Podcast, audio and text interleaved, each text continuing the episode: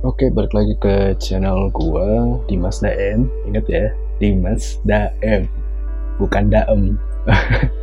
Oke.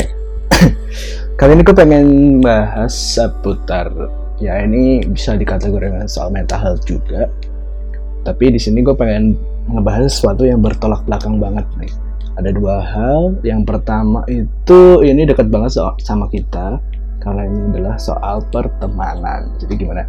Kita dengan orang-orang yang dekat sama kita. Terus yang kedua itu soal duit. Nah, duit ini kan ada tabu sih ya diomongin di Indonesia ya. Menurut gue sih gitu. Karena kalau kita udah ngomongin duit tuh orang tuh cenderung ngindar gitu loh. Jadi kayak ah ngapain sih lu ngurusin urusan personal gue misalnya kayak gitu gitulah. Nah, oke okay, ngomongin soal duit dan pertemanan, lu punya nggak sih temen yang dia tuh ngejauh gara-gara masalah duit. Nah, ini sih rada wadaw sih. Tapi memang masalah duit ini rada sensitif di Indonesia tuh. Jadi udah kalau udah masalah duit, pertemanan bisa kacau, rumah tangga bisa kacau, saudara juga bisa kacau. Jadi ya soal duit ini juga memang rada penting ya untuk dibahas menurut gue ya. Nah, well, yes, memang duit itu rada sensitif untuk diomongin diomongin di Indonesia. Dan memang gue pribadi juga semenjak kecil tuh nggak pernah dibiasain yang namanya ngobrolin soal duit. Dan gue gue yakin juga banyak dari kalian yang nggak dibiasain untuk ngomongin soal duit. Karena dari dulu ya kita paling dikasih uang jajan ya udah kita pakai buat jajan. Nggak diajarin ayo nabung ayo kita pengen beli ini harus ngapain dulu misalnya. Kayak gitu gitu kita nggak diajarin untuk itu.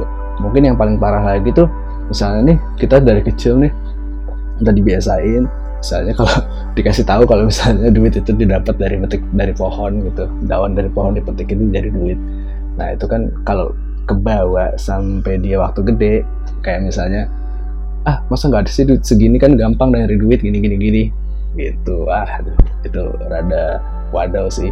Pertama dia nggak bisa ngargain duit. Yang kedua dia juga nggak tahu cara nyari duit kayak gimana. Padahal kan cara nyari duit itu kan kita bisa bilang sulit sih ya. Itu nggak nggak segampang lu cuman duduk diem.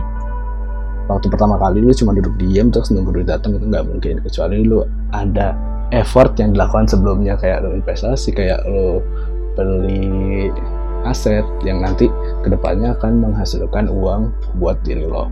Nah ngomong-ngomong soal duit ini kan menurut gue sih ada penting sih ya diomongin ya. Soalnya kalau kita nggak diomongin tuh masa depan kita sebagai anak muda nih itu malah akan bingung. Kita nggak punya aset kita bisa beli rumah entar cenderung malah ngutang ya kan? Ini sama nih kayak yang pengen gue bahas selanjutnya ya. Soal temen. Nah, karena gue juga pribadi kan gue kuliah nih di umur gue yang 20-an ini gue memang tidak terlalu jago sih dalam urusan ngatur keuangan apalagi gue dari dulu tuh biasanya cuma dikasih duit terus ya udah dipakai aja buat jajan gitu kan. Jadi kalau pikiran gue jajan terus ya apalagi di umur gue yang sekarang 20-an ini kalau misalnya gue jajan mulu terus nanti padahal kan ada kebutuhan yang lebih penting gitu loh. Kayak misalnya lu harus ada apa namanya asal tugas kuliah harus nanti buat uas lah terus nanti buat transport buat makan itu kan belum belum kehitung kan. Nah kalau duitnya udah habis dari jajan mulu habis buat jajan terus berapapun duit yang lo dapat berapapun duit yang lo dapat itu nggak mungkin cukup gitu loh. Pasti habis. Nah, makanya menurut gua biar hal-hal kayak gitu nggak terjadi itu ngomongin itu harus dari kecil. Biar uh, kejadian-kejadian kayak yang gue alamin tadi atau kejadian-kejadian tentang duit yang lainnya itu nggak terulang. Nah, oke okay, itu tadi intermezzo dikit sih.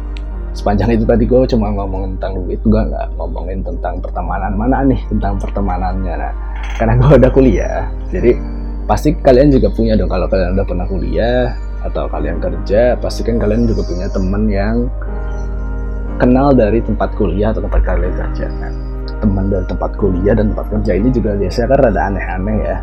Ada yang ya biasanya ada yang ada yang baik juga ada yang jahat juga ada yang alay ada yang males.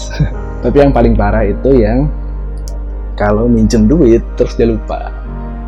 Dia pernah minjem duit itu. Fakta mayoritas temen gue yang gue kenal sih sampai saat ini sih itu eh, nggak uh, terlalu bagus dalam mengatur keuangan ya.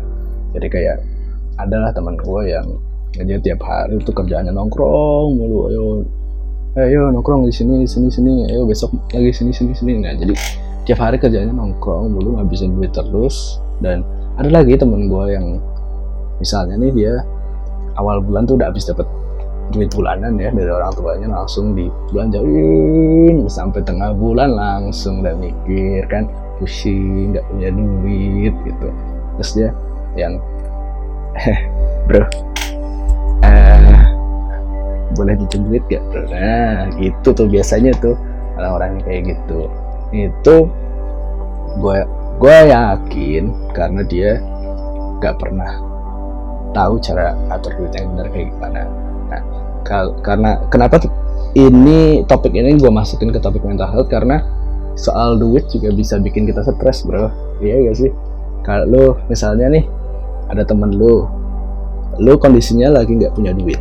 Ya kondisi lu duit itu cuma cukup buat bayar kosan bulan depan makan sampai akhir bulan sampai akhirnya ditransfer lagi. Nah terus tiba-tiba ada temen lu nih yang boros itu datang ke lu terus dia bilang bro ada duit gak bro? Gue lagi butuh gue buat ini ini ini ini segala macam. Nah kalau lu maksain buat ngasih dan sementara lu butuh buat bayar tadi kosan makan ya kan? Apa lu nggak stres? Ya gak sih? Kalau gue sih stres sih. Terlebih misalnya nih gajian diundur apalagi kayak corona sekarang gini nih ya kan? Gimana coba? Kita nggak bisa yang apa namanya kerjaan juga kan ketahan terus apa-apa jadi sulit harga barang juga naik. Nah itu yang yang sulit sih menurut gue. Jadi uh, ngatur duit yang benar itu menurut gue perlu dibiasain sejak kecil. Kalau lu punya teman yang tipenya kayak dua dua orang tadi yang gue sebutin dan biasanya nih kalau lu sering dan lu berteman dekat sama mereka biasanya lu akan ke bawah kayak mereka. Nah, kalau lu nggak mau ke bawah kayak mereka itu caranya sebenarnya gampang sih menurut gue karena gue juga ngalamin sendiri. Nah yang pertama lu harus berani bilang enggak ya. Misalnya contoh ya. Lu diajak nongkrong nih sama temen lu nih. Salah ayo dong nongkrong nih di KFC atau di McD ayo kita kerja kelompok ini gini gini gini. Bilang aja enggak bro sorry gue lagi nggak ada duit. Mendingan apa kerja kelompoknya di kosan gua aja atau di kosan lu aja kan masih ada ini nanti makanan juga deket misalnya yang sepuluh ribuan gitu gitu. 15 ribu 20 ribu nggak usah yang KFC yang berapa gitu kan misalnya. Misalnya karena kalau kita udah nongkrong pertama lu butuh bayar parkir ya kan? Kedua lu pasti beli makan sama minum. Nah makan sama minum di tempat-tempat yang kayak gitu pasti harganya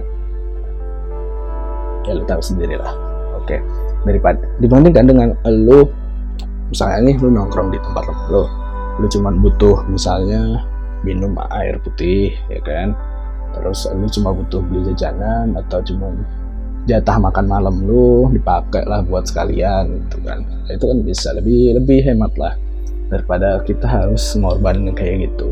Kita harus ngorbanin uang kita yang bisa dibilang sudah terancam. Dibuat lebih terancam lagi dengan kita mengiyakan ajakan mereka kayak gitu. Terus yang kedua kalau lu punya tipe temen yang kedua nih yang tadi kalau minjem terus suka lupa gue sih lebih saranin daripada lu sakit hati nagihnya dia lupa lupa terus dan dia gue yakin sih dia tuh nggak bakal ingat. Gue yakin banget dia tuh nggak bakal ingat sama utang-utangnya yang pernah dia buat. Jadi lebih baik pas lu ngasih lu ikhlasin aja gitu gak usah berharap duit balik karena lu udah tahu orang itu kayak gitu nah.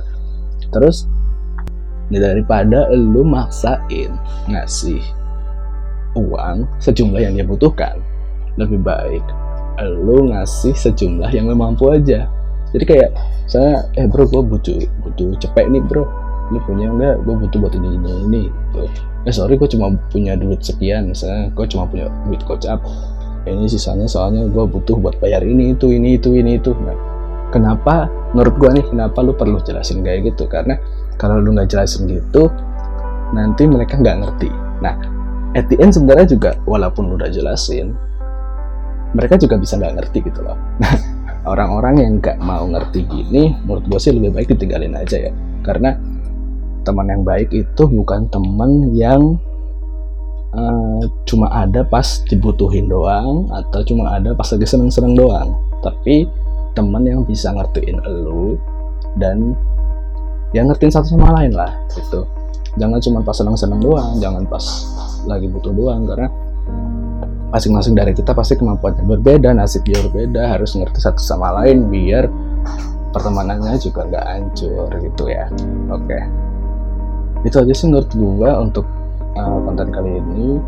Kalau kalian ada kritik dan saran boleh banget komentar di bawah atau boleh DM gue di Instagram @dimasdm karena kalau di Instagram gue lebih aktif biasanya gue share tiap hari konten tentang mental health di situ dan di story gue juga. Nah oke gitu aja. Sampai ketemu di video selanjutnya. Jangan lupa di like comment share subscribe ya oke? Okay? thank you dan bye